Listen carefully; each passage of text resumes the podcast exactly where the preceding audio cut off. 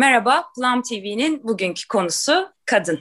Kadın tabii çok kapsamlı bir konu. Biz e, dördümüz, sevgili Selda Hanım, sevgili Gülşah ve sevgili Demet, hem uzmanlıklarımızı göz önüne alarak, hem kendimizi, kadınlığımızı, kişiliğimizi göz önüne alarak biraz kadını, kadın olmayı konuşuyor olacağız. İnşallah sizler de keyifle, biraz merak ederek, bazı cevapları bularak, bazı sorularla kalarak ayrılıyor olursunuz. Hoş geldiniz öncelikle sevgili Selda Hanım, sevgili Demet ve sevgili Gülşah. Hoş bulduk. Hoş bulduk. Demet öncelikle Selda Hanım'ı Plum TV'ye kattığın için sana teşekkür etmek istiyorum. Ee, hoş geldiniz siz de Selda Hanım. Ee, çok kısaca e, bir hani sizin konunuzun kadın olduğunu biliyoruz. Birazcık da konuştuk bunu. Ee, nedir burada merakınızı cezbeden, neden kadın diye size bir sormak istiyorum. Ee, aslında yani neden kadın? Kadın şöyle çok e, spesifik olarak kadın değil. Her şey bizim, biz romancıların konusu aslında her şeydir. Ancak şunu fark ettim, seneler boyunca yazan çizen bir insan olarak, hatta benim 25 senelik e, iş hayatımın üzerine gelmiş bir yazma, çizme ve eğitim hayatım olarak şunu fark ettim. Kadın o kadar zengin bir obje ki, kadın o kadar e, malzeme çıkaran, malzeme veren e, bir nosyon ki kadını işlememek hakikaten büyük bir yazık olur diye düşündüm. Çünkü e, şunu fark ediyorum, kadın her yerde. Şimdi e, eğitimler veriyorum ve eğitimlerde bir bakıyorum, mesela 25 kişilik bir grubun 23 kişisi kadın. E, kurslar alıyorum, bir bakıyorum katılımcıların çoğu kadın.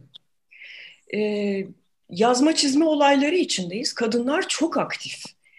E, iş hayatında da bakmayın siz hani kadınlar geri durduklarını söylüyorlar ama çok aktifiz biz. Her yerdeyiz. Anne olan kadın, mutfakta kadın, sokakta kadın, her yerde kadın. Dolayısıyla kadın çok iyi bir malzeme. Ee, ama aynı zamanda üzerine eğilinmesi gereken e, hassas da bir malzeme. Dolayısıyla ben biraz buna odaklanmayı seviyorum. Benim odak noktamda var kadın ama sadece kadın değil. Sadece kadın değil elbette. Ee, Demet sen Selda Hanım'ı hani yazarlık kursu da alıyorsun ve tabii yakından tanıyorsun. Ee, seni ne cezbetti? Hani Selda Hanım'ı konuk edelim dediğinde ne düşündün? Yani ne konuşmak içinden geçti? Tabii ki derslerimizde yine Selda Hanım'ın kitaplarında kadının e, Selda Hanım için hani baş obje, çok önemli bir obje olduğunu zaten biliyordum. E, kadın aslında psikiyatri için de çok önemli. Hani psikolojik e, ve psikiyatrik açıdan e, da çok önemli. Bunu hem edebiyatla hem e, psikiyatriyle nasıl birleştirebiliriz? E, kadını e, bir romancı, bir yazar ve bir e, hani psikiyatrist e, şeyinde bağlamında baktığımızda ne, e, neler söyleyebiliriz diye biraz merak da ettim. E, dolayısıyla hani e, Selda Hanım da söylediğim zaman hemen kabul etti. E, çok teşekkür ederim tekrardan da. E, bu, bu sohbetten neler çıkacak çok heyecanla bekliyorum. ben de bilmiyorum vallahi ne çıkacağını. Hatta böyle hani kadının hani hakikaten o kadar geniş ve o kadar aslında güzel bir konu ki bu. Hani hangi bir yanını konuşsak kadının diye de düşünüyorum. Hani anneliğimizi mi konuşsak, iş hayatını mı konuşsak, kadın erkek ilişkisini mi konuşsak ki Burada iki cinsel terapist varken aslında Selda Hanım belki biraz o romantik tarafa mı kaysak diye de içimden bir şey beni çekiyor biraz.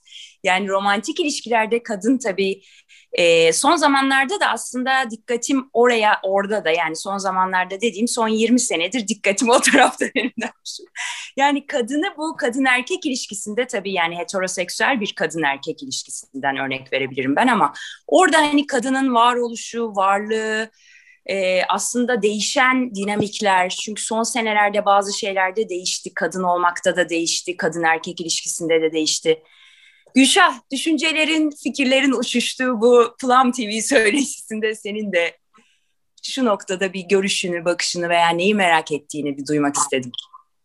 Açıkçası sen heterojen e, şey heteroseksüel daha doğrusu ilişki deyince e, aslında benim de aklımdan geçen kadınlar homojen bir grup değil.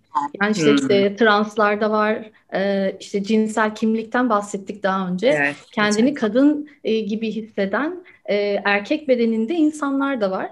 Dolayısıyla evet. sanırım kadın doğulmuyor, kadın olunuyor. E, ben öyle e, bir yorum yapmak istiyorum. E, kadın hissetmek e, buradaki önemli olan şey veya sonrasında kadınlığını fark etmek, e, kadın gibi olmak o kişinin algısında kadınlık neyse e, ona doğru evrilmek gibi. Ben şeyi fark ediyorum, bilmiyorum e, ne dersiniz. Yani benim kendi kişisel, e, şimdi 40 yaşlarımı geçtikten sonra ben kadınlığımı daha iyi fark ettiğimi ve onurlandırmaya başladığımı hissetmeye yani öyle hissetmeye başladım. Ya eskiden hep bir kadınlığı hissetmek için yanımda sanki bir romantik partner olması gerektiği hissim vardı. Son senelerde böyle daha bir ya ben bir kadın olarak bu dünyada var oluyorum. İşte kadın olarak yürüyorum. Bak yürüyüşümü biraz düzelteyim mi? Bir kadınlığımı birazcık daha mı yaşayayım gibi bir hisse kapıldım. Bu acaba hani e, bilmiyorum hoşuma da gidiyor. Hani dedin ya Gülşah kadın olmak diye. E, toplumda da galiba ne bileyim kafamız karışık mı yetişiyoruz, doğuyoruz ilk başta hani bu kadın olmak e, Hani ne bileyim şimdi mesela işte şöyle giyinilir, şöyle yürünülür, şöyle makyaj yapılanılır, şöyle bakımlı olunulur. Eğer öyle olmazsan kadın olamazsın. Halbuki erkeğin için mesela Jack London bunu güzel anlatır. Bir kurdele bile takmak yoklukta veya saçına bir çiçek takmak, bir kadın olmak. Yani e, gibi bir şeyler geçiyor kafamdan. Selda Hanım siz ne düşünüyorsunuz kadın olmakla ilgili olarak? Vallahi Özüm Hanım lafınızı böyle Özüm değil rica edeceğim. Lütfen. Şimdi Özüm. ben e, Demetciğim de bilir. Bak şöyle bir minik reklam yapayım. Karşı penceredeki kadın diye bir kitabım var. Bizde de var. Aa, çok tatlısınız. Şimdi e, tam bu söylediğiniz şeyleri işledim. E, öncelikle Gülşah Hanım'ın e, ya da Gülşah nasıl arzu ederseniz.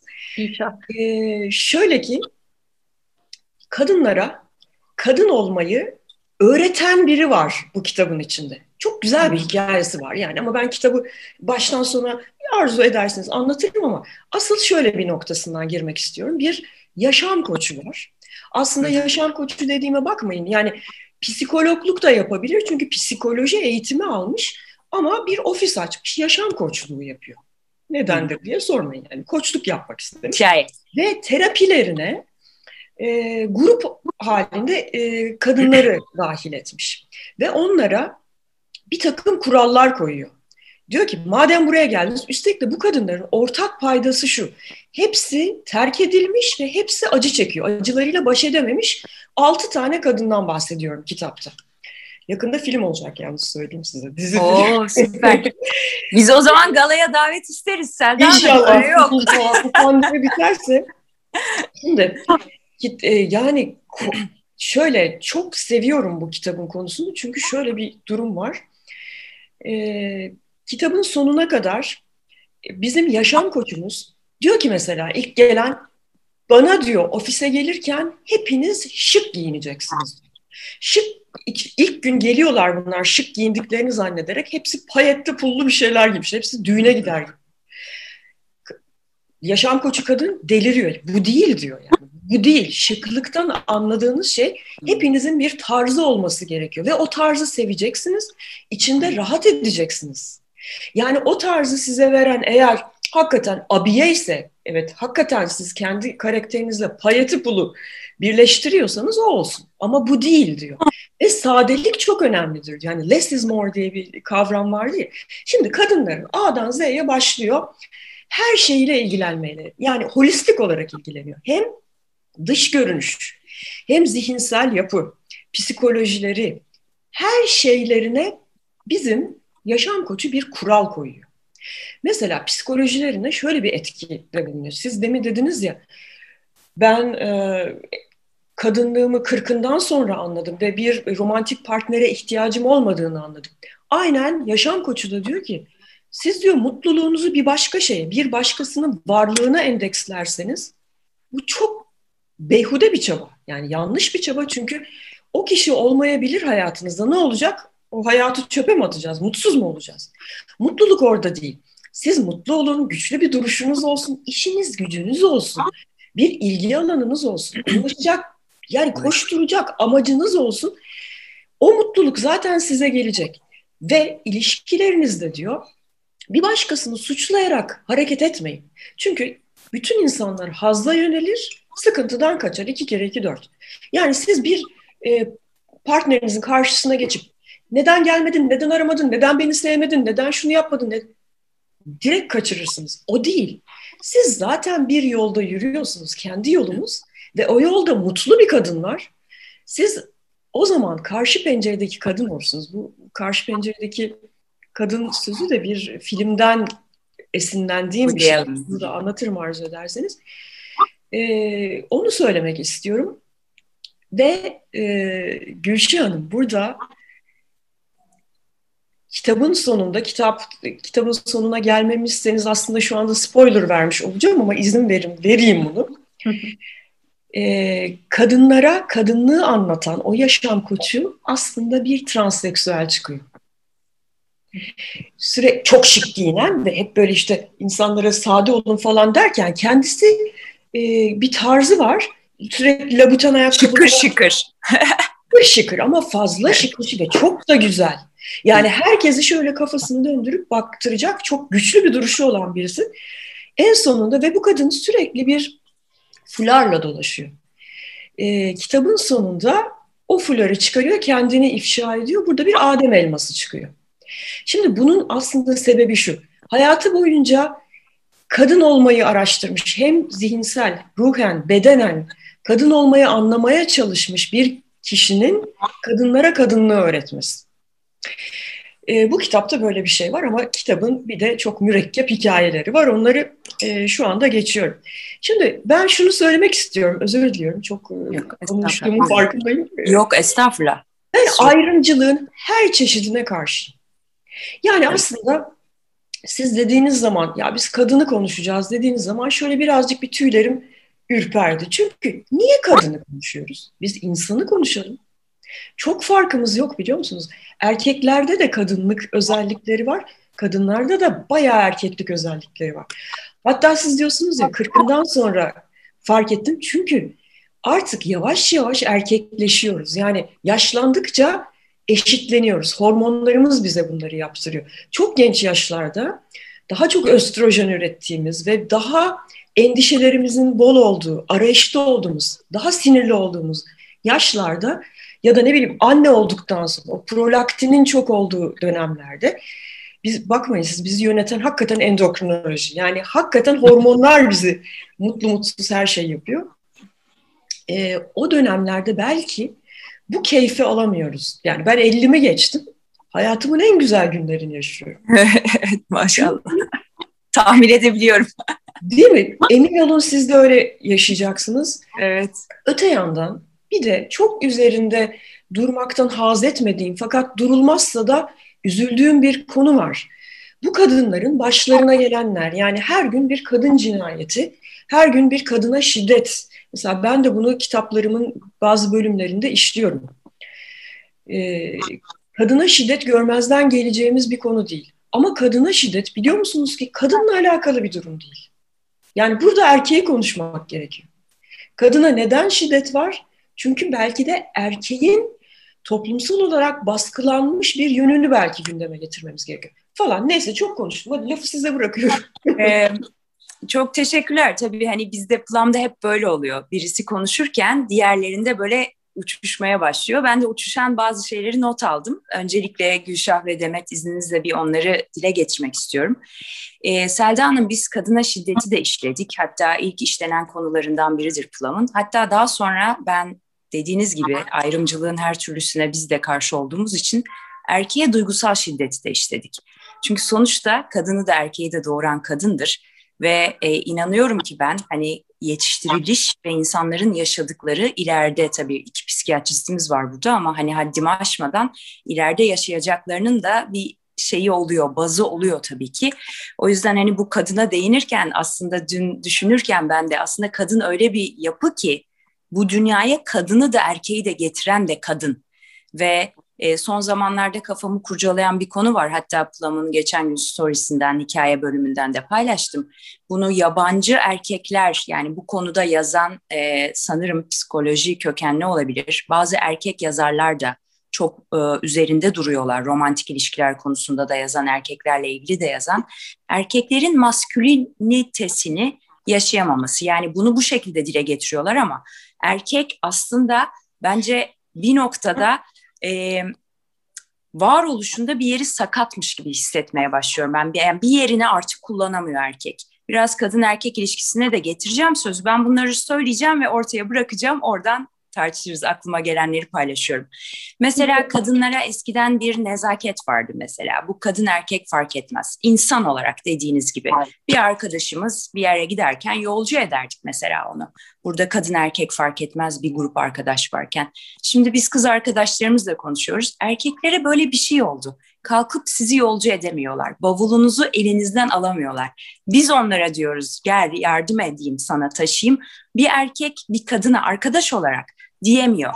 Bir erkek bir kadının kapısını tutamıyor artık. Hatta önüne atlıyor. Veya atıyorum ben öyle bir yetiştirildim ki babam ben sofrada ayağa kalkarken şöyle hafifçe ayağa kalkardı. Çok ben güzel. böyle bir erkekle karşılaşmadım. Çünkü sandalyemi tutan bir erkekle karşılaşmadım. Nezaket kurallarını bilen ve buna dikkat eden. Şimdi bu kadın erkek ilişkisinden bahsetmiyorum insan ilişkisinden ve kadının ve erkeğin olduğu yerdeki nezaketten bahsediyorum. Yapı öyle bir yere geldi ki biz kadınlar ben bazı ortamlarda bakıyorum e ben bunların hepsinden daha erkeğim ve delikanlıyım gibi hissediyorum. Zaten o olabilir mi acaba sorun? Yani siz çok erkek ve delikanlıysanız Evet ben asarım keserim. Hatta Yo. bir de konuşmalarımızın arasına erkek gibi böyle hafif de tatlı küfürler sıkıştırmışsak acaba erkek bizi kadın gibi görmüyor olabilir mi? Açıkçası zannetmiyorum yani, yani kendi şahsi örneğimden vereceğim. Çünkü mesela bir kere dedim ki hani bir kargo gelmişti bana yardım eder misin dedim. Hayır etmem dedi mesela. Kendini yani taşıyabilirsin kendin taşı dedi. Yani ben öyle biri değilim. Ben yani yardım da ederim, yardım da isterim. Öyle bir erkek olayım, kendi işimi kendim yapayım tamam. Şimdi burada ince bir çizgi var ya Selda Hanım. Kişinin kendi ayakları üzerinde durması, kendi fikirlerinin arkasında durabilmesi, hoşuna gitmeyen bazı şeyler olduğunda atıyorum boşanabilmesi, işten ayrılabilmesi, o arkadaşlığa sınır çekebilmesi. Bunlar ayrı şeyler. Bunları yaptığınız zaman zaten eğer delikanlı erkek olarak algılanıyorsanız zaten o algılayan dönüp kendine bir baksın o zaman o erkekliğine ve dişiliğine baksın birazcık diye düşünüyorum. Kötü anlamda değil. Çünkü orada bence hem insan olarak insanın bir kanadı kırık kalıyor. Çünkü insanın arkadaşına yardım etmemesi veya uğurlamaması hani bilmiyorum bana artık çok uç. Yani erkekler bir ürkekleşmeye ve korkmaya başladılar. Ve kadınlar otomatikman bir daha bir yani oldukları gibi olduklarında bile daha erkek pozisyonunda kalmaya başladı. Araya girebilir miyim? Lafınızı kesebilir miyim? Tabii Şimdi, ki ne demek? Buyurun. aile yapısında şöyle bir e, özellik vardı. Anneler anne gibi ve e, kadın gibi olmayı beceriyorlardı. Erkekler de babalar da baba rolü ve erkek rolü oynuyorlardı. Hmm. Evin içinde bu e, rol paylaşımları yapılmıştı. Dolayısıyla o ailede büyüyen çocuk kadın figürünü ve erkek rol modelini alabiliyordu. Mesela bir e, erkek evladınız varsa babayı örnek alacaktır, model alacaktır. Kız evladınız da sizi model alacaktır. Ama bu her yönüyle sizin gibi olacaktır anlamına gelmiyor. Zaten burada hani psikoloji bilen insanlarla e, konuştuğum için bu konuda rahatım, açıklama gereğini duymuyorum. Ancak şöyle bir şey var. Son yıllarda bu X kuşağında, bizim kuşaktaki insanların artık müdanası kalmadı. Boşanı veriyoruz ne çekeceğim ya bu adamı deyip bizim hoşumuza gitmeyen e, davranışları olduğu anda boşanmak gibi bir alternatifimiz var ki ben zaten üç kere boşanmış bir insanım. o yüzden e, biz aslında artık şu modeli çocuklarımızın önüne koymuyoruz. Kadın kadın rolünü yaptığı, erkek de erkek gibi olduğu, karısına kapıyı tuttuğu ya da çocuğuna evladım şöyle davranmalısın, kadınlara böyle davranmalısın, nazik olmalısın dediği bir aile ilişkisinden koparıp çocukları hafta sonları babaya gittiği, hafta arasında başka bir işte anne gördüğü ve her iki tarafında özgür ilişkiler yaşayarak e, bazen ilişkilerinden şikayet ettiği bir durumda çocuğun da buna kulak tanığı olduğu bir dünyaya evrildik maalesef. Yani bunun bu kadar artmasını, kadına artık e, yeteri kadar saygı duyulmamasının sebeplerinden bir tanesini ben bu olarak görüyorum. Yani aile düzenindeki artık bozulmalar. Kimse kimseye e, tahammül etmiyor. Özgür ilişkiler yaşanıyor ama eleştirmek e, manasında söylemiyorum. Bunlar böyle olmaya devam edecek. Çünkü kadın kendi ekonomik özgürlüğünü kazanınca artık hakikaten e, külfet olan bir ilişkiyi sürdürmesine de gerek yok. Ne demek istiyorum külfet ilişki derken? Mesela eskiden erkek işten gelip evde hazır bir sofra beklermiş. Şimdi dalga mı geçiyorsunuz? Kadın da işe gittiği için o hazır sofrayı ya beraber hazır ederler ya kimse kimseden beklemez. Yani her şey paylaşımlıdır. Mutfağa artık erkek de giriyor. E, yemek yapmak, tencere kadının malzemesi değildir. Yani e, bir sevgililer gününde, bir e, anneler gününde kadına tencere hediye edilmesinin bir manası yok. Elektrik süpürgesi çünkü onun malı değildir. O evin ortak malıdır. Erkek de elektrik süpürgesi yapabilir falan. Şimdi olay eskiden böyle değildi, evrildi. Dolayısıyla artık kadınların çok zayıf olduğuna inanmıyor erkekler. Tamam ya açsın kapısını girsin e, gibi bir mantık güdüyor olabilirler. Evet Ama yani kötü niyetleri olmadığı kesin de bir şey gördüm ben dokusu biraz olumsuz etkilenmeye başladı. Benim dikkatimi çeken o. Erkek bir şey gördüm.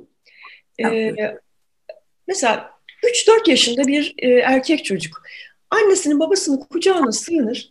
Bazen elini böyle e, parmağını ağzına sokar emer. Bir onun cinsiyeti yok. Korunmaya ve sevilmeye muhtaç. Biraz daha büyüdüğü zaman bu değişmiyor. Biraz daha büyüdüğü zaman değişmiyor. Herkesin bakın bütün canlıların sevgiye ihtiyacı var. Bu erkek ya da kadın yani başını birinin omzuna yaslamaya. Bu sadece kadının ihtiyacı olan bir şey değil. Güçlü bir omza e, baş yaslamak. Aynı şekilde erkeğin de ihtiyacı.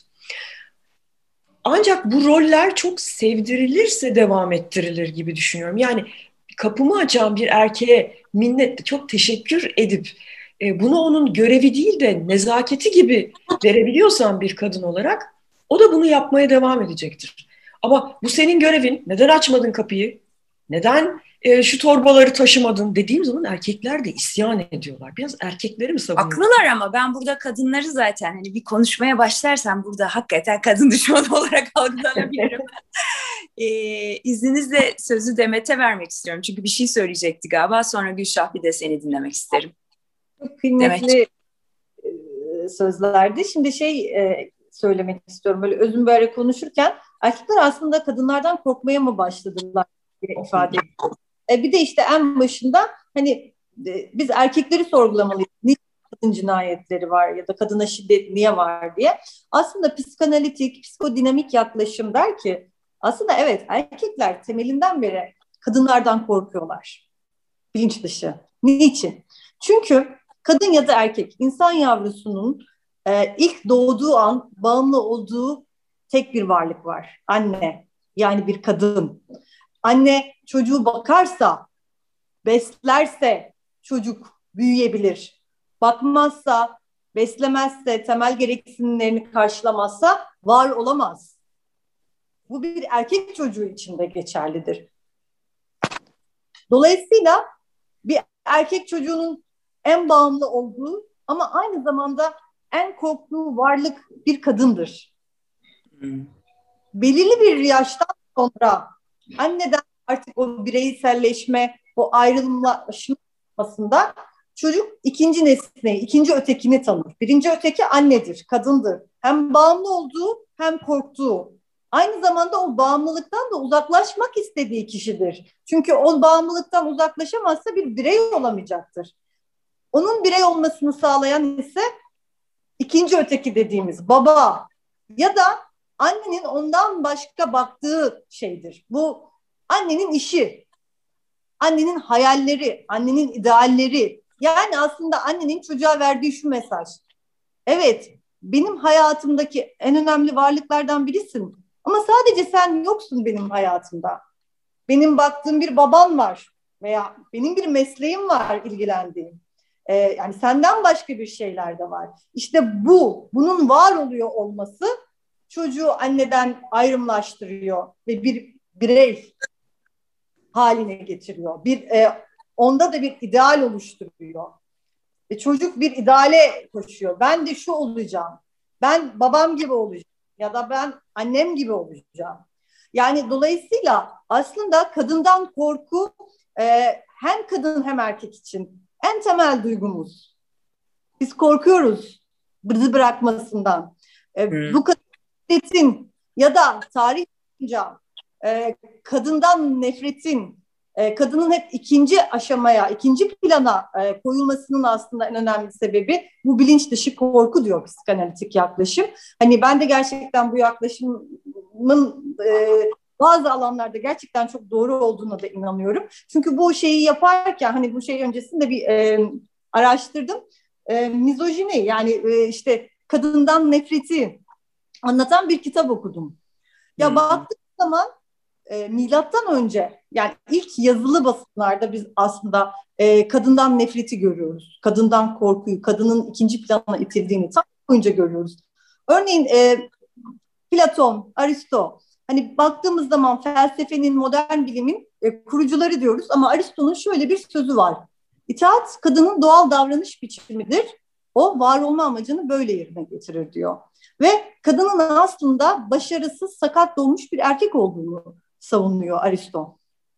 Yani e, zaman en ileri e, felsefe e, düşünürü, e, bilim düşünürü yani zamanın mantığına baktığımız zaman kadın hep ikinci plan itaat etmesi gereken aslında sakat bir varlık olarak görülüyor. Yani kadından korkuyu ta bu zaman o zamanlardan görüyoruz. Şimdi 16. 17. yüzyıllara geldiğimiz zaman o zamandan bu zamana işte sanayi devrimi tam devrim yılları bir şeylerin değişeceğini zannediyoruz.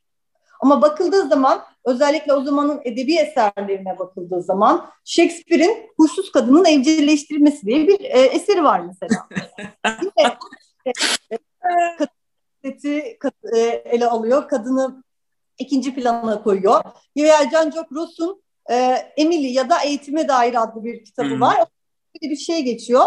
Eğer kendisiyle erkek arasındaki eşitlikten yakınırsa bunda haksızdır. Çünkü eşitsizlik insan tarafından yaratılmış bir olgu değildir. En azından ön yargıdan kaynaklanmıyor. Tam tersine bu mantıksal düşüncenin bir sonucu. Yine bu yıllarda cadı avlarını biliyoruz. Yani bu cadı avlarında yüzde sekseni e, öldürülenlerin kadın. Maalesef psikiyatrik açıdan baktığımızda birçoğunda belki de psikiyatrik rahatsızlığı olan kadınlar cadı avları yapıldı, yakıldılar. Dolayısıyla bence tarihin zamanın kadına verdiği e, şöyle bir miras var. Değersizlik, yetersizlik ve güvensizlik duygusu. Bu o kadar e, içselleştirilmiş bir duygu ki ve bu kadar bastırılmış bir duygu ki e, biz hala da aslında bununla savaşıyoruz. Yetersiz olmadığımızı göstermeye çalışıyoruz. E, güvensiz olmadığımızı göstermeye çalışıyoruz. Değersiz olmadığımızı dünyaya ifade etmeye çalışıyoruz. Şimdi e, psikiyatrik açıdan baktığımızda yani bir polikliniğe bir kadın geldiğinde e, bakıyoruz şimdi depresyon kadınlarda iki kat daha fazla görülüyor. Anksiyete bozuklukları kadınlarda çok daha fazla gözüküyor. Somatizasyon bozukluğu çok daha fazla görülüyor. E, depresyonun en önemli semptomlarından birisi bizim için değersizlik ve yetersizlik düşünceleridir.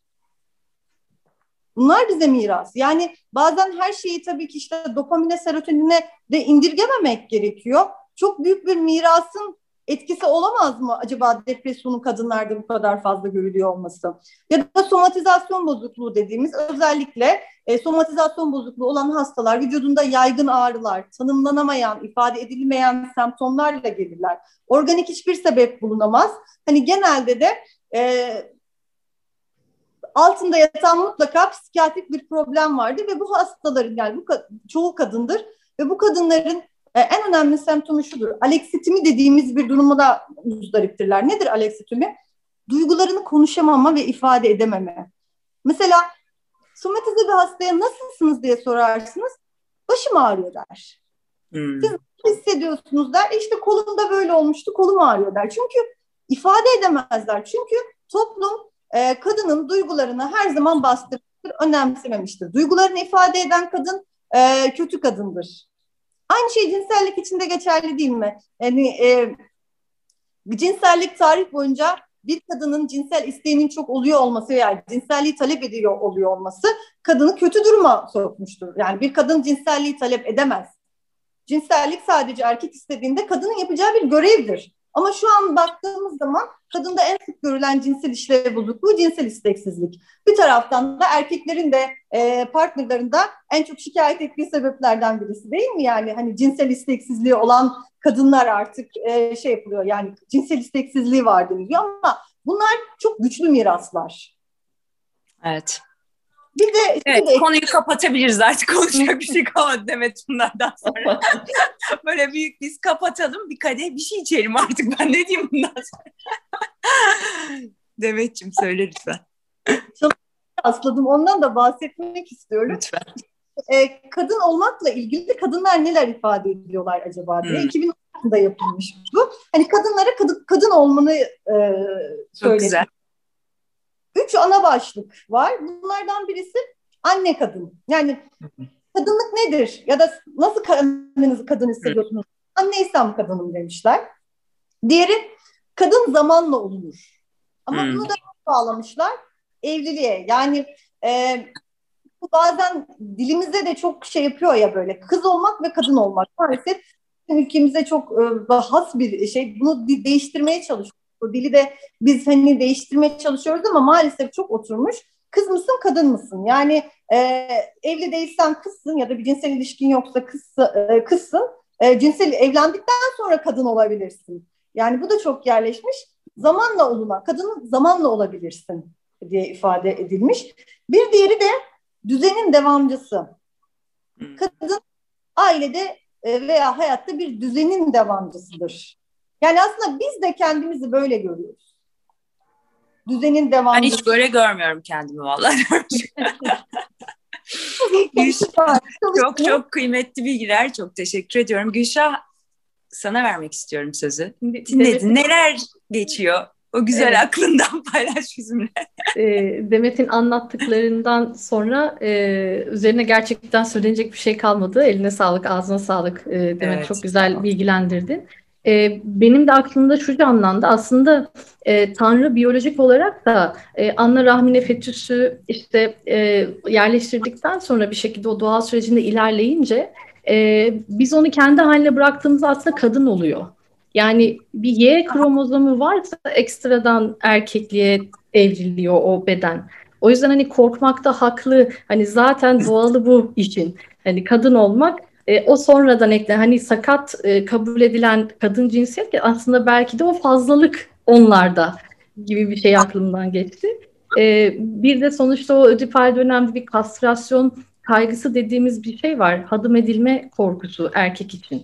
Ee, ve hani o kız çocuğunun veya kadın cinsiyetin aslında vajinası olduğunu, penisin olmadığını fark ettiğinde kendi penisinin yok edileceğinden de korkuyor. Ve bu, bu şekilde onu kaybetmekten de korktuğu için de belki oradan uzaklaşıyor gibi bir açıklama da var psikodinamik anlamda. E, Demet'in e, söylediklerine ek olarak ben de bir bunu söyleyebilirim. Bir de toplumsal e, cinsiyet hani tanımlamalarına baktığımız zaman işte e, bekareti bozulmuş olan kız kadın gibi bir e, tanımlama var. Ve e, devamlı dişi kişinin bu önüne geçen bir tanımlama. E, kadın olmak işte e, illaki bu gibi. Hatta o yüzden hani bayan diye bir terim e, geliştirilmiş. Hani bayan tuvaleti, kadın tuvaleti deyince sanki hani kızlar oraya giremez gibi sanki öyle bir sanki anlam e, atfediliyor gibi. E, böyle de bir zorluk var ve e, kadın aslında istediği gibi e, var olduğu sürece e, kadın hissedebiliyor diye düşünüyorum ben. Bu baskılardan e, işte kaygılarından, korkularından arınmış bir şekilde yaşayabildiği sürece hatta ben de işte biraz böyle kadın olmayı yazarlar, şairler nasıl tanımlamış diye bakarken e, Can Yücel'in bir daha önce karşılaşmamıştım ben. e, yazısını gördüm. E, diyor ki kız olmak zor iş canlar. Aşık olsa orospu, terk etse orospu, verse orospu, vermese gizli orospu, ölse orospu, hiçbirini yapmasa lezbiyen, bakımlı olsa orospu, gece çıksa orospu diye devam eden çok güzel bir tanımlaması var. En sonunda ben da... Ben de bilmiyorum bunu. Evet, insan yanına koyup sohbet etse fingirdek, etmese nazlı, telefon numarasını verse en ala kaşar, vermezse uğraştırmayı seven kaşar. Haklısınız beyler. Pezevenge herkes orospu dediği. Can Yücel'in çok güzel bir... sağlık. İçinde, uyusun. Güzel söylemiş yani. Var. O işte böyle hani... erkekler de var. Keşke bunlardan daha fazla olsa diye düşünmeden edemiyorum. Evet, Gülşen, o yüzden ben de okuduğumda e, ben de hissettirdiği şey oh dedim hani kalemine sağlık Can Yücel dedim e, roller var. E, sistemin devamlılığında bize düşen roller olduğu gibi erkeklere düşen roller de var.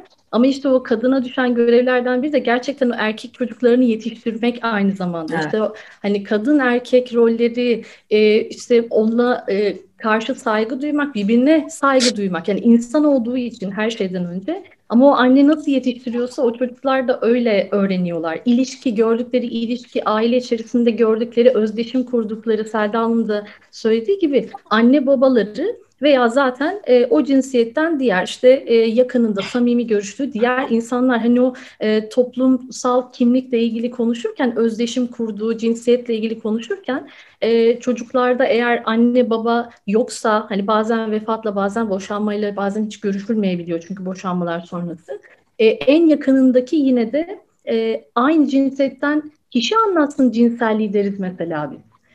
Çünkü Tabii. E, o şekilde daha rahat hissedecektir ve daha rahat öğrenecektir. Ama bu konuda mesela zorluklar e, yaşanıyor. Çünkü e, hem anlatmakla ilgili zorluklar var hem de e, insanlar zaten bunun çok fazla bilgilendirilmesiyle ilgili e, adım atmıyorlar. Çünkü sanki cinselliği biz anlatırsak kadın veya erkek cinsiyetindeki çocuğumuza e, bunlar e, sanki cinselliği hızlı bir şekilde yaşarlar gibi de düşünülüyor. Halbuki, Halbuki aksine Aksine bilgilendirilen e, çocuk e, bunu daha bilinçli yaşamak için zamanı, uygun şartları daha iyi bildiği için süreci nasıl yaşanması gerektiğini daha iyi öğrenmiş oluyor. Evet, şimdi sizleri dinlerken tabii hakikaten çok geniş bir konu. Bu aklımdan bir sürü şey geçiyor. Bu hani kadının bu kadar aslında hani tarihte anlattıkların çok çarpıcıydı. Tarihle yani ben zaten sanatla da bilim iç içe artık Selda Hanım işte siz hani belli bir yanını yazıyorsunuz. Doktorlar başka bir yanı araştırıyor. Tarih başka bir şey görüyor. Ve hani kadın olmaya baktığım zaman e, şimdi şöyle bir şey vurgulamak istiyorum. Geçen gün e, Instagram'da bir işte story paylaştım dedim. Orada hani erkeğin bu eril enerjisinden aslında uzaklaşmakta olduğunu ve buna sahip çıkmadığını Öyle bir hava ve bir görüntü var. Hani bunun nedeni ne olabilir diye dört tane seçenek sundum. Bir tanesi bunun e, kadınların e, belli bir zamanda erkekleri araç olarak görmeye başlamasıydı. Yani bazı kadınlar da var ki hani erkeği para için, işte ev için, sosyal statü için, e, doğurmak için araç olarak gören kadınlar da var. Hani bunu da söylemekte ben bir sakınca görmüyorum. Ve hani sizin dediğiniz gibi Selda Hanım tabii ki boşanmak kimse istemez. Ben de boşanmış bir kadınım. Ancak bir evin içinde eğer bir şiddet varsa, bir haksızlık varsa e, onun da görülmesi çocuk açısından uygun değil. Ve belki de bazen en sağlıklısı Gottman'ın dediği paralel hayatlar yerine de aslında o çocuğa hakikati sunmak. Yani biz anlaştık, seni sevdik ama bu iş olmadı evladım. Bu nedenlerle olmadı. Şimdi de durum bu deyip hakikaten elimizdekinin en iyisini ona sunmak. O çünkü fonksiyon göstermeyen bir yapının içinde bulunmanın zararları da zaten senelerce psikiyatristlerimiz daha iyi bilir. Törpüle törpüle terapi yap yap bitmeyen bir şey. Ee, dedim ki bir tanesi bu araç olarak gören kadınlar. ikincisi yetiştirilme, erkeklerin yetiştirilme tarzı. Üçüncüsü ne dedim? Ee, karşılaştıkları diğer kadınlarla yaşadıkları ilişkiler. Ve dördüncüsü de espri yaptım. Şeytan aldı götürdü satamadı geri getiremedi de dedim böyle. Ve daha çok cevap e, şey oldu. E, şu ikisinin arasında gitti. Bir tanesi yetiştirilme, diğeri de ilişkide oldukları diğer kadınlarla yani geçmişte yaşadıkları ilişkiler nedeniyle olan şeyler olarak geçti ve e, çıktı sonuçlar. E, siz de zaten bundan bahsettiniz. Hani erkeğin doğması, anneden korkması, daha sonra hani kadından korkması bu sanki böyle hiçbir zaman ortadan geçirilemeyecekmiş gibi bir şey gibi. Fakat kadın olarak ben hep bunu da söylüyorum. Yani ben erkekleri seviyorum. Yani isterim ki her kadın ve her erkek güzel bir ilişki yaşasın. Çünkü Selda Hanım sizin de değindiğiniz gibi hani kadın ve erkekler arasında yapılan araştırmalarda işte erkek neye bakar, kadın neye bakar diye bakıyorlar. Bir sürü farklı şey çıkıyor belki ama ortak olan bir tek şey var. Hepsi böyle bir kindness, bir güzellik, bir tatlı değil, bir aynen dediğiniz gibi başını koymak. Ben bunu planda da yazıyorum. Kadına şiddette de yazdım bunu. Yani hepimizin istediği üç aşağı beş yukarı tatlı dil, güler yüzü, şöyle kafamızı yaslayabileceğimiz, güvenebileceğimiz bir yapı. Ve e, gönül istiyor ki herkes birbirine nezaketle davranarak, güzellikle, ihtiyaç duymadan ama severek birlikte olsun. Ancak tabii inanılmaz bir hani Demet'in anlattıklarını dinlediğim zaman hani bunları farkına varmak, bunlarla biraz barışmak, oturmak, hani e, kadının bu gücünü, kadının bir gücü olduğunu da ben düşünüyorum. Kadın olarak erkeğe karşı. Hani korku başka bir yanda. Bu bir geisha'nın anıları vardır. Romanı da vardır. Çok güzel bir filmi de vardır. Bilmiyorum hatırlar mısınız? Geçenlerde o filmi, romanı okumuştum. Filmi tekrar seyrettim. Orada yetiştirirken geisha'yı der ki Şimdi yürürken bir erkeğe bakacaksın ve onun yanından geçişinle o erkek düşecek gibi bir şey söyler. Ve o kadın öyle bir yürür ki ve öyle bir bakar ki o adamın eli ayağı birbirine dolanır. Şimdi kadının bu gücü var. Bunu Harika Özbay da söyler. Fakat kadının bu gücü nasıl kullandığı da çok önemli. Çünkü öyle bir yapı oldu ki ben biraz erkeklerin hakikaten açık açık artık kadınlardan korktuğunu düşünüyorum ilişkiye girmekten de. Yani benim şahsi tecrübem bu doğrultuda. Mesela kız arkadaşlarım var. Ben denemiyorum ama işte bu birçok online e, Tinder, Minder yani deneyene de saygı duyuyorum. Kendi e, herkesin kendi tercihidir. Bu matchmaker siteleri var ya insanların başka kişilerle tanışıp date çıktıkları. Ve arkadaşlarımdan duyduğum ilişki istemeyen erkek dolu etraf. Yani güzel bir şey varken de ve biraz hani açıkçası hani bu kadar kadın bunu konuşuyoruz ama Sizce kadınlar nerede hata yaptılar? Ben bir onu da konuşmak istiyorum sizinle. Erkekler çünkü bu hale geldiyse bizim de burada bir payımız mutlaka vardır diye düşünüyorum. Yetiştirmek ayrı bir konu. Orada da hatalar vardır. Bunu bir size sormak istiyorum. Siz ba- bana mı diyorsunuz? Selda Hanım arzu ederseniz sizle başlayalım. Hepinize tamam. soruyorum.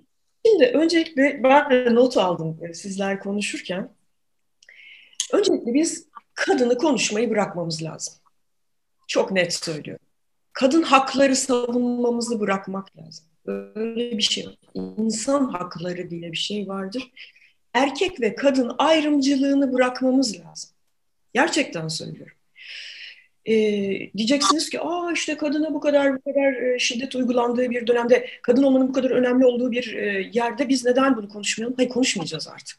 Çünkü artık kadın ve erkek madem ki haklar önünde eşitiz diyoruz, o zaman gerçekten eşit gibi davranacağız. Biz kadınlar, bakın ben şu anda çok ciddi bir eleştiri yapıyorum kadınlara. Kendimize. Bunu zaten istiyorum sizlerden. Elimizle sanki megafonu almışız, bağırıyoruz. Aa, cadılar gibi bağırıyoruz, saçımızı başımızı yiyoruz. Benim hakkımı yiyorlar, hakkımı yiyorlar. daha antipatik bir şey olabilir mi? Bundan yani ben hiçbir erkeğin çıkıp da biliyor musunuz erkekler günü diye bir gün var. Haziran'ın mı Kasım'ın mı 14'ü mü öyle bir şey. Bir erkeğin çıkıp da bugün erkekler günü bizim de hakkımızı verin dediğini duydunuz mu? Halbuki erkekler korkuyor. Hiç yani kadınlar şiddet gördükleri için korkuyorlar. O ayrı da psikolojik olarak aynen Demet'in söylediği gibi. Demet bu arada onun teknik ismi neydi? Kadın, kadından korkmanın e, bir, bir şey söyledin, bir terim söyledin. O şey kadından mizojini. Mizojini. Mizojini. Ne? Ben onu bir not alacağım. Tamam. Bir daha söylesene. Bu kitabı da göstereyim isterseniz. Ha, onu ben bir yazmak istiyorum. Bakayım abi. Ben atarım da size. Şimdi e, şunu söylemeye çalışıyorum. Biz elimize megafonu almış adeta bağırıyoruz. Cadalozluk yapıyoruz. Bunu bir keselim. Tabii ki korkar erkekler bizden. Evde karısı, bak eve geç geldiği zaman karısı neredeydin? Şimdi bu neredeydin tatlım demek gibi bir şey. Aa Hüseyin merak ettim neredeydin sen? demek gibi bir şey. Neredeydin? Hesap sormak gibi bir şeyden bahsediyorsun. Orada mıydın? Ha. Şimdi bu ifadeyle mücadele edilmez. Şimdi aynı şey erkek için de geçer. Kadına şöyle bir şey soruyorsun. Kadınlar da çalışıyor artık. Neredeydin sen? Ay tatlım ya toplantı bitmedi bir türlü. Ha öyle mi? Şimdi karşınızdakine güvenmediğiniz, inanmadığınız zaman o noktada sakatlık başlar. Öncelikle bir karşı cinse güveneceğiz. Kadın, kadın ve erkek. Biz karşı, biz tabii ki erkekleri seviyoruz. Özüm Hanım, biz erkeği sevmeyip ne yapacağız? Onlara ihtiyacımız var. Şu anlamda ihtiyacımız var. Tek başımıza cinsel olarak yetersiziz. Çocuk yapmak istiyorsak onlara ihtiyacımız var. Kendimizi güven içinde, huzur için tamamlanmak istiyorsak erkeğin kadına, kadının erkeğe ihtiyacı var. Keza diğer cinsler için konuşmaya yetkili değilim çünkü o duyguları tanımıyorum, bilmiyorum ama saygı duyuyorum. Yani ben LGBT'ye tukaka diyen bir kişi değilim. Saygı duyuyorum ama bilmediğim bir şey evet. çok. Sadece cinsellik değil olay. Gerçekten tamamlanmak gibi düşünüyorum. Yani e, bu şeyi bırakmazsak biz işte erkeğin fazlalığı var, kadının eksikliği yok aslında falan gibi söylemlere devam ettiğimiz sürece o Platon zamanına geri döneriz. Artık 21. yüzyıldayız. Yani Platon da kendi zaman ya da Shakespeare neydi o kadının uysuz e, kadının uysuz kadının ehlileştirilmesi. Şimdi bunu Çünkü o zaman da kadın kendi hakkını arayıp cadalozluk yapıyor. Şimdi de yapıyor. Şimdi farkı ortaya net koyalım. Eskiden öyle bir görev dağılımı vardı ki dışarıdan ekmeği getirmesi gereken kişi erkekti. Dolayısıyla saygımız vardı o ekmek getiren kişiye. Ama çocuğa da evde bakabilen kişi doğal olarak anneydi. Süt verdiğinden dolayı. Şimdi öyle değil ki. Gidin multinational şirketlere erkeklere de süt izni veriliyor artık. Çok e, gerçekten eşitlik eşitlikçiliğin e, gerçek boyutuyla yaşanan ülkelerde ve e, şirketlerde öyle söyleyeyim. Böyle bir durumda kadın da artık kariyerini kesmek durumunda değil ama biyolojik olarak bakın biyolojik olarak anneye bir bebeğin ihtiyacı var. O karından çıkıyor. Bir anda çocuk kendisini böyle ortada mı hissetsin? Psikolojik olarak ve biyolojik olarak ihtiyacı var. E, dolayısıyla şimdi bu farkları biz iş hayatında gelinen kapitalist düzende göz önünde bulundurarak bir toplumsal düzene gittiğimiz takdirde artık karşı cinse güvenerek ve birbirimizi severek yola devam etmemiz gerekiyor. Aramızdaki rekabeti kesmek durumundayız. Kadın daha iyidir, kadın bilmem nedir, kadın konuları, kadın konferansları, kadın... Ben bıktım, ben sevmiyorum ben kadın konuşmak. Gidiyorum ben dermişim gidermişim falan. Ama diyorum işte Selda'cığım. Dediğim ya bize gelen bir miras var. Değersizlik, yetersizlik ve güvensizlik duyguları. İşte bunlar da bu rekabet de bu söylemlerimizin hepsi de aslında şey e, bunu telafi mekanizmalarımız. Bunu biraz bazen abartıyoruz galiba. Yani o değersizlik içselleştirilmiş değersizlik duygusunu bastırıp tam Demek... tersi oluşturuyoruz ki değerliyiz, değerliyiz diye bağırıyoruz. Evet. De ama bak bir şey söyleyeceğim. Bağırmak veya söylemekle değişmez. Ya da yine aynı. Söylemekle olmaz o iş. Ben 53 senelik kadınım. Hiç erkek olmadım. Önceki hayatlarımda bilmiyordum. 53 senedir bir kere bile ben kadınım diye bağırmak gereğini hissetmedim. Çünkü değer gördüm, değer verildim. Ama içine düştüğüm toplumsal e, ya da aile düzeni böyle olduğu için değil. Ben bu toplumun her kesiminde yaşıyorum. Şimdi neden değersiz hissetmedim? Belki de bunun açılımını yapmak lazım. Ya da benim etrafımdaki pek çok kişi de yani kardeşime sor, sorun o da değersiz hissetmedi. Sadece aileden kaynaklanan bir şey mi bu? Değil. Çünkü biz böyle bir duyguyu üstlenmedik. Yani bana beni değersiz hissettirecek. Mesela şeyde trafikte kavga ettim. Tamam bayağı e, önüme geçen araçla bayağı e, laf dalaşına falan gittim. Hemen bana küfretti. O demin şiirde okuduğunuz küfrü yaptı. Ben o sözü üstüme giyinmedim. Ne diyorsun sen diye adama sordum.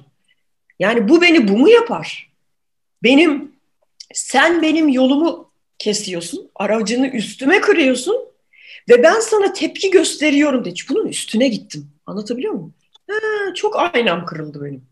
Çok arabam tekme yedi. Hatta aç camını. Ne olacak açıp da bana yumruk mu atacaksın? Bak erkeklerde kontrol edemedikleri maalesef ki ve bu bir defekt, bu bir arıza. Testosteron hormon var. Fazlası kontrolü kaybetmelerine sebep oluyor. Ben üzülüyorum erkekler adına. Yani bunu kontrol etmeleri gerekiyor. Bunu aşağıya çekmeleri gerekiyor. Ama biz yutmak zorunda değiliz. Bir üstlenmek zorunda değiliz. Ben değersizlik duygusunu neden üstüme giyineyim? O adamın hatası. Bana küfretmek adamın hatası. Sonra anlamadığım ve belki de size sormak istediğim bir şey var. Biz neden küfürlerimiz hep cinsel içerikli? Yani bu sadece bizim ülkemizde değil, bütün dünyada. Yani şimdi burada YouTube'da bir e, yayın olacak diye o adlı adınca söylemeyeyim diyorum ama anladınız siz ne demek istediğimi. Yo ne? güzel Can Yücel gayet güzel anlatmış bir şey okudu. Bana, yani açıkça da söyleyebilirsiniz bunda bir sakınca yok. Yani neden bana fahişe deniliyor, orospu deniliyor ya da neden küfürlerimizde siktir git kullanıyoruz?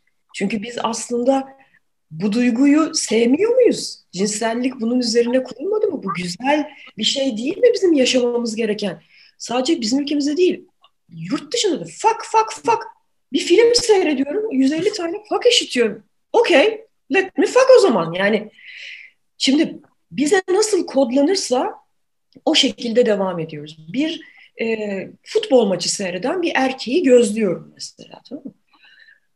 Yani buna mı ihtiyacı var? Onun bu kadar küfür edip boşalmaya mı ihtiyacı var bu erkeklerin? Burada bir arıza saptıyorum arkadaşlar. Bu arıza sadece erkek oluştan yani varoluştan kaynaklanan bir şey değil. Bakın neden kaynaklanabilir biliyor musunuz? Bunlar benim çıkarımlarım. Tabu yaptığımız konulardan. Yani önüme kıran araca gidip de bana orospu dedi diye. Kardeşim bu beni orospu mu yapar? Hakkımı savunmak beni böyle mi yapar deyince adam da böyle glup diye kalıyor. Şimdi ben e, onun belki de fiziksel saldırısını göze almış bir kadın. Orada iki tane yumruk yerim ama iki tane de çakarım. Tamam Eğer çözüm buysa. Şiddet hiçbir zaman hiçbir yerde çözüm değil. Değil. Ama toplumda biz bunu çevreden görüyoruz. Şimdi benim bulduğum çözüm şu. Kadınız kadınız diye bağırmayacağız. Hak aramayacağız ama üstümüze bu değersizlik duygusunu giymeyeceğiz. Gerçekten hatayı göreceğiz. Hata küfür edilen sizde değil. Hata küfreden adamda. Ha sizdeki hata şu olabilir. Kötü araba kullanıyorsanız yani kadınlarda da var bu. Var. Ya ben araba kullanırken sadece önüne bakıp çok da dikkatli bakıp böyle bu aynaları sağ solu hiç kullanmayan kadın kötü araba kullanıyor. Kadınlarda var. GPS sistemimiz de yok bizim. Ee, erkekler o konuda çok daha iyiler. Ama bu şu anlama gelmez temkinli olmaya çalışan bir kadına küfretme hakkını vermez. İneceksiniz, gerekiyorsa laf dalaşınız, kavganızı yapacaksınız. Yani orada e, ezilende mi kabahat, ezilende mi diye soracak olursanız ben biraz ezilende diyorum. Çünkü ay anne bu bana vurdu. Senin elinle topluyordu. Niye vurdu? Niye vurdurtuyorsun kendine? Neden buna izin veriyorsun? Yani bizim kız çocuklarımız acaba böyle mi yetiştiriliyor? Şimdi lafı çok uzatmayacağım. Diyorum ki cinsel ayrımcılık istemiyorsak öncelikle biz kadınlar keselim sesimizi, konuşmayalım. Benim hakkımı ver diye değil, git hakkını al. Zaten hiçbir hak verilmez biliyor musunuz? Hak alınır. Nasıl alınır? Eğitiminizle alırsınız, duruşunuzla alırsınız. Erkeğe bir görev yüklemeyeceksiniz. İki tane kadın düşünün. Bir tanesi ihtiyaç duyan kadın canım işte sana muhtacım, ihtiyacım var diyen kadın. Diğeri de neşeli, ihtiyaçtan değil gerçekten sevgiden ve e, keyif veren kadın.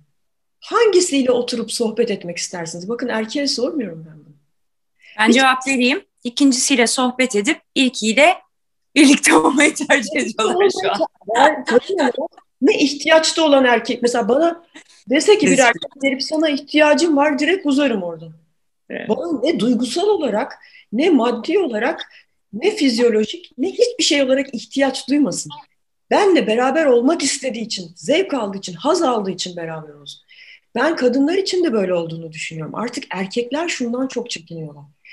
Güzelim ama sen olmazsan ben bu şeyi taşıyamam ki. Değil. Böyle de bir yanlış algı var.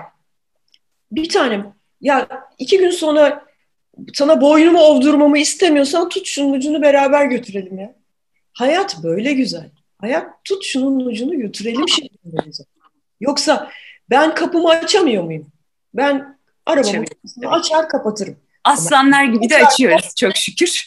Allah muhtaç etmesin. Teşekkür ederim bir tanem derim ve onu taçlandırırım ve o da bunun evet. keyfini yaşar. Bu bilinci koyabilirsek ama şu mesela kadına yakışır. Ee, gerçi bu hayvanlarda tam tersi. Mesela hayvanlarda süslü olan ya da güzel olan hep erkektir. Aslının yeleleri olanı erkektir. Tavus kuşunun renkli olanı erkektir. Fakat bir tek insanda var bu. Daha çok boyanan, süslenen, giyinen, kuşanan e, ve kırıtan kadındır. Çünkü kadına yakışır bu. Evet kadınlar lütfen biz bir kere öncelikle erkekleşmeyelim e, şeyimizde. Maskülen davranmak matah değil. Bilakis kadının öyle büyük bir şansı var ki o sizin dediğiniz gibi o Geisha'nın anılarındaki gibi şöyle bir bakışıyla adamı ah dedirtebilen bir kadının bunu kullanmıyor olması potansiyelini kullanmıyor olması demek. Böyle düşünüyorum. Öyle. Sizi dinlerken şey hissettim. Sanki kadının bu kadınlığıyla o hani kadınlığın çok tatlı, şefkatli, yumuşak bir yeri vardır. Keşke kadınlar biraz onunla barışsalar gibi. Yani o yanlarıyla, o güzel, sevgi dolu, o bebeğe bakan yanlarıyla aslında. Hakka, orada hakikaten bir o güzellik var orada aslında. Demet? Ben e, bazen bunların da birazcık başarısızlık e, içimizdeki o bastırılmış başarısızlığın aşırı telafisi. Yani hani işte başarısız değilim ama her kadar her işimi yapabilirim gibi. O yüzden bence biraz da maskülenleşiyoruz, erkekleşiyoruz. Yani hani e, ihtiyacım yok ki. Ben zaten yaparım e, şeyi. Yani burada Selda e, hocamın da şey gerçekten hani e, söylediği gibi bunları ne kadar biz alıyoruz bu e, hissiyatı, e, ne kadarını kabulleniyoruz, ne kadarını kabullenmiyoruz bence de önemli olan bu. E, bir büyüğün söylediği bir söz vardı. Dert ne kadar sen üstüne alıyorsan o kadar vardır Demet derdi bana. Yani e, biz bu değersizliği, bu güvensizliği, bu duyguları ne kadar e, kabulleniyoruz ya da kabullenmiyoruz. İşte e, yani biz kendimizi zaten değerli, yeterli ve güvenli hissedersek bu kadar e, yüksek sesle bu kadar bağırmaya da çok ihtiyaç hissetmeyiz. Bir de mesela ben burada şeyi de e, e, biraz şiddet olayına da gelmek istiyorum. Bir kere hiçbir zaman kadına şiddet, kadına ve insana şiddet kabul edilebilir. Evet, hayvan şiddet, insana şiddet, Ama herhangi bir şey. Yani kadına şiddetle ilgili bir haber ortaya çıktığı zaman diğer şiddet haberleri peş peşe gelmeye başlıyor. Yani ne kadar kadına şiddete hayır, kadına şiddete hayır diye birleşip e, ve e, reklam reklam diyorum pardon haberlerde veya sosyal platformlarda bununla ilgili ne kadar çok şey söylenip yazılırsa diğer şiddet haberlerinin gelme sıklığı da o kadar fazla oluyor. Hiç dikkat ettiniz mi mesela? Benim çok şeker. Biz bunu bir de tabii hekime şiddet açısından da bir kongrede değerlendirmiştik. Buna bir veter etkisi deniliyor. Bu Göte'nin bir kitabı var. Genç Veter'in Acıları diye. Evet. Bu şey şeyin başındaki yani roman kahramanı e, sevdiği kıza işte mektuplar yazıyor falan ve sonunda da intihar ediyor. Kitap yayınlandıktan sonra e, Almanya'da e, ölüm oranlarında, intiharla ölüm oranlarında çok ciddi artış oluyor ve Avrupa'da bir dönem şey yapıyor bu e, sonlandırılıp saklanıyor kitap. Onun sonrasında da e, bir e, psikolog bununla ilgili çalışma yapıyor ve veter etkisi diyor. Yani diyor ki bir haber e, ne kadar çok yayınlanırsa onunla ilgili şeylerin tekrar gelme olasılığı o kadar fazla. Yani şunu demeye çalışıyorum. Tabii ki susmayalım şiddete. Tabii ki sessiz kalmayalım ama ne kadar bu mağduriyeti çok ciddi şekilde e, vurgularsak, kadın mağdur, kadın şiddet görüyor, e, vurgularsak bir sonrası veter etkisiyle birlikte geliyor, devamı geliyor. Aslında çözüm de bu değil. Yani bence çözüm e, kadınlar öldürülüyor, kadınlar şiddet görüyor diye bunu sürekli söylemek ve bu mağduriyeti ortaya çıkarmak da değil. Bilmiyorum ne düşünüyorsunuz bu konuda? Ee, şöyle tabii hani özellikle ülkemizde çok ciddi bir sorun bu biliyorsunuz ve hani e, biz o kadına şiddeti işlediğimizde ve istatistiklere baktığımızda tabii bu bunun görünürlükle de çok alakası var. Belki eskiden de çok olan ve ama bizim görmediğimiz, bilmediğimiz bir konuydu bu. Konularda istatistiksel olarak belki o zaman da fazlaydı. Şimdi her şeyden çok daha haberdarız. İkinize de bu kadının değersizliğini kabul etmemesi konusunda katılıyorum. Sadece şunu hani söylemek istiyorum. Hani herkesin doğduğu bir aile ve bir yer var ve bazen o kişilerle ve en değerlileriniz onlarla büyüdüğünüz zaman onun etkisinden sıyrılmak biraz zaman alıyor. Geçen gün bir dizide ikinci kez yayında aslında bahsediyor olacağım. Amerika'da, New York'ta yaşayan ikinci nesil Çinli bir ailenin kızı intihar ediyor. İntihar girişiminde bulunuyor, kurtuluyor. Ve sonra görüyor ki kendini değersiz hissediyor. Ailesinde o kadar sıkı bir kültür var ki ve o ilk Amerika'da üniversiteye giden ilk kız çocuğu herhangi biriyle konuşması, e, hem okula gidiyor hem işte çalışıyor hem sınavları var ve her yerde kendini yetersiz, değersiz ve yardım da alamıyor. Şimdi bu birçok kültürde farklı şekillerde olan bir şey. E, bu bizim üzerimize nüfuz ediyor. Farz edelim ki bir ailede değil bir ilişkidesiniz. İlk defa bir adama aşık oldunuz, evlendiniz ve adam size eve girdikten sonra şiddet uygulamaya başladı. O aşık olduğunuz adam size şiddet uygulamaya başladığında ilk başta onu üstünüze alınmama gibi bir şey bence çok zor. Onun içinde insan bir süre kalıyor. Ha sonra oradan kalkmak, ben değerliyim demek. Bunu tabii ki insanın kendiyle ilişkisine getiriyorum. Kadın olsun erkek olsun fark etmez. Çünkü erkeğin de Selda Hanım'ın da dediği gibi duygusal şiddete maruz kalanı çok fazla. Belki kadın orada fizikselliğini kullanmıyor ama artık biliyoruz ki functional magnetik rezonansla da duygusal şiddette, fiziksel şiddette beynin aynı yerini uyarıyor. O yüzden aslında biz bunu belki görebiliyor olsaydık apayrı bir tablo çıkardı karşımıza. Diyeceğim o ki kişinin sizi dinlediğim zaman dediklerinize yüzde yüz katılıyorum. Tabii ki değersizliğimize sahip yani ben değersizim demeyelim. Ama onun altından çıkmak bir süreç ve bunu fark ettiğimiz andan itibaren bunun işte uzmanları var, atıyorum artık koçlar var. Yani nereden yardım alabiliyorsak o yardıma el uzatmamız bence çok güzel olacaktır diye buradan da söylemeden geçemiyorum. Hem erkekler için hem kadınlar için, tüm insanlar için. Gülşah? Ee, bununla ilgili 2014'te sanırım Türkiye'de yapılmış bir çalışma var. Bu senin söylediğin hani farklı kültürlerde de olmanın getirdiği, yetişmenin getirdiği bir e, sıkışmışlık da olabiliyor. Evet. Özellikle kadın ak- akademisyenlere sordukları zaman bir tane kadınlık yok sonucuna varılıyor. Hmm. Çünkü zaten her kadın aynı konuma doğmuyor. Tabii. Hepimiz farklı ailelere, farklı işte toplumsal yapılara, sosyokültürel yapılara dünyaya geliyoruz. Dolayısıyla bir tane kadınlık yok. Yani çalışan bir kadının evinde tabii ki ev işinde erkek yardım edecek. Tabii ki çocuk bakımında destek olacak. Ama çalışmayan, zaten okuyamamış, e bir şekilde o evde kalmış kadın da evet o eve ekmek getiren erkeğe saygı duyacak. Yani o yüzden bir tane kadınlık yok.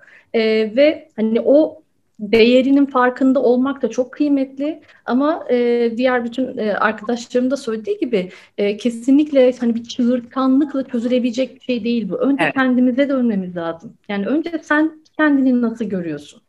Sen kendini nasıl hissediyorsun?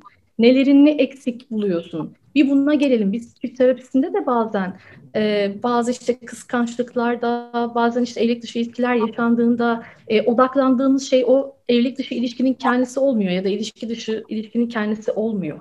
E, o kişinin veya diğer partnerin kendiyle ilgili veya ilişkiyle ilgili eksiklikleri neler gördüğü bunlara odaklanıyoruz. Odaklandığımız şey diğer taraf değil. O yüzden önce kendi farkına varması lazım. Aynen öyle. Yani kadınlık da böyle. Yani o kadınlığı ne olarak tanımlıyorsa o şekilde hissetmeye ve kendi farkına e, fiziksel ve duygusal olarak e, varmaya çalışması lazım. Ancak bu şekilde çözülebilir bu. Yoksa e, pankartlarla sürekli eylem yapıldığında e, bir yere de gidilmediğini görüyoruz. Yani zaten hani e, deneyimsel olarak da bunu görüyoruz. Hiçbir işe şimdiye kadar yara, yaramadı e, tam tersi e, artarak devam ediyor. O zaman burada başka bir şey yapmamız lazım. Hepimizin önce bireysel olarak kendimizden başlaması lazım. Hem erkeklerin hem kadınların nerede yanlış yapıyoruzun farkına varıp bunlarla ilgili adım atmaya başlaması lazım. Evet.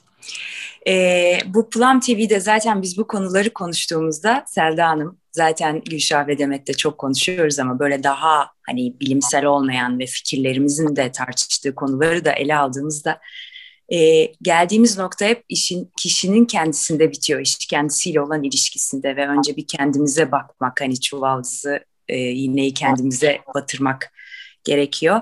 Yaşar Kemal'in çok güzel bir romanı vardır. E, Ara Güler'in fotoğraflarıyla bezenmiş. Çocuklar insandır diye. Sizi dinlerken orada bir hani herkes farklı yere doğuyor dedik ya.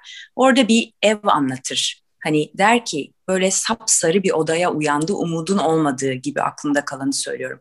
Şimdi hakikaten hayatta çok zor şeyler var ama çok zor insanların çok yani çok zor hayatlardan apayrı yerlere de gelebildiğini görüyoruz. Benim son zamanlarda en çok üzerinde durduğum şey sanırım umut oldu.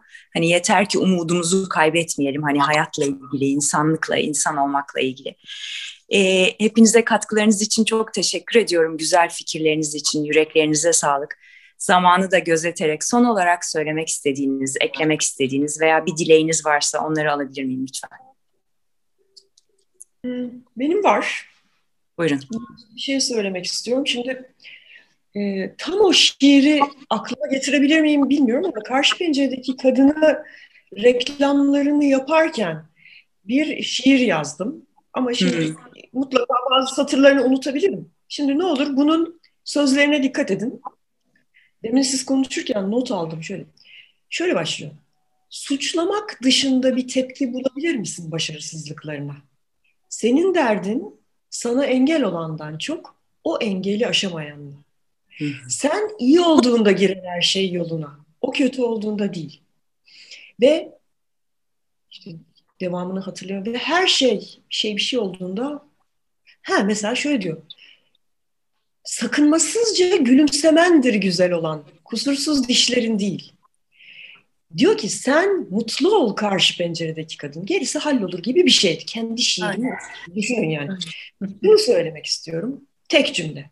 Suçlamak dışında bir tepki bulmalıyız başarısızlıklarımıza. Bağırmayı kesip hakkımızı aramalıyız. Ve hakkını aramayan erkeklerin de aslında bizlerden çok farklı durumda olmadığını ben düşünüyorum. Çok ezilen erkek olduğunu düşünüyorum çok değişik e, vasıflarda mesela demin dediniz ya hangi kadın? Kadının pek çok e, rolü var. Aynı şekilde hangi erkek? Birçok rolü olan erkek var ama erkekler bizim kadar dillendirmiyorlar. Evet. Belki dillendiremiyorlar bile. Öyle bir platformları yok. Erkek olmak diye bir şey konuşmuyorlar mesela aralarında. Gelin artık normalleşelim. Benim de mesajım bu olsun farklı mesajı Teşekkürler.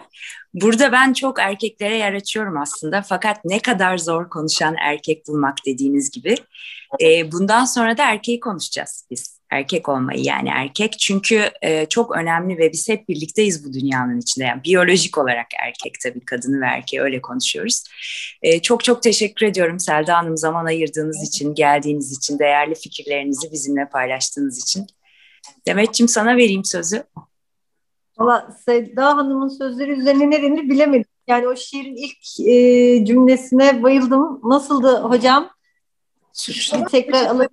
suçlamak dışında bir tepki bulabilir misin başarısızlıklarına? Senin derdin yani, sana engel olandan çok o engeli aşamayanla. Kesinlikle katılıyorum. Yani e, suçlamayalım, değerimizi ve kıymetimizi bilelim. Her şey sende başlar, her şey sende değişir diyorum. Çok teşekkür ediyorum Demet'ciğim. Yüreğine sağlık. Şahçım. Ben de başta söylediğim e, kadın doğulmaz, kadın olunur cümlesini modifiye edip o zaman sonlandırırken kadın veya erkek olarak doğulmaz, kadın ve erkek olunur e, olarak bitireyim. Güzel. Çok çok teşekkür ediyorum sana da Gülşah. Hepinize çok keyifli bir söyleşi oldu Biz benim için. Ederim. keşke bir saat daha uzun sürüyor olsaydı. Bir yerlerde bir saatin daha uzun sürdüğü bir yerler vardır diye ümit ediyorum. E, sona getirirken yani umuyorum hepimiz bu hayatın sonuna doğru geldiğimizde kendimizle muhteşem bir ilişkimiz olmuş olur. Benim de dileğim bu olsun bugüne. İzleyenlere de çok teşekkür ediyorum. Allah'a ısmarladık. Teşekkür ederim.